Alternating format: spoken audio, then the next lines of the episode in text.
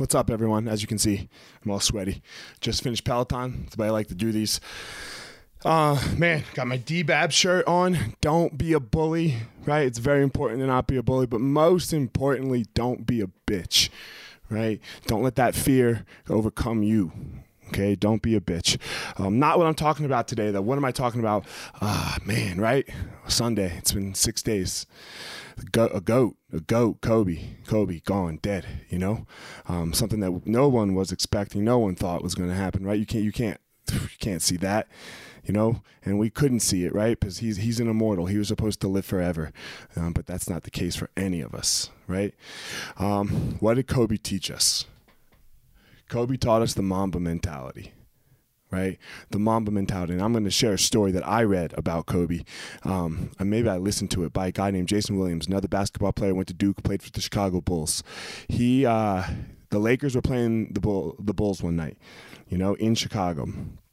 And uh, Jason Williams was like, shows up to the arena to get a little warm up in in the morning, you know, and Kobe is already there. Kobe is Kobe is already there working and he's like, Jason Williams says he says to himself, he's like, all right, I'm just gonna go longer than Kobe. You know, you know, how long can he go? We got a game tonight. You know, so I'm I'm just gonna go longer than Kobe. It didn't fucking happen. It didn't happen because Kobe was probably over there saying, "I'm that motherfucker ain't," you know. I know we know he was because Jason Williams left first. He was like, "I'm out." The game happens. Doesn't even matter who wins. And Jason Williams goes over to Kobe and looks at him and says, Man, I was trying to outwork you today. I was trying to stay longer than you, you know? And they're talking, and Kobe looks at him and goes, Yeah, I know. That's why I had to stay longer than you. Yeah, I know. That's why I had to stay longer than you.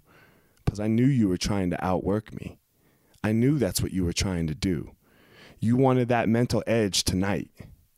You wanted that edge to say that I stayed longer than Kobe, and you had no clue how long I'd been there. I could have been there since two in the morning, but I couldn't give you that edge. I couldn't do that. I couldn't let you have that power over me. Don't let anybody have power over you guys. Nobody. Nobody can take your power. Don't you let anybody ever have power over you. You go out there and find your power.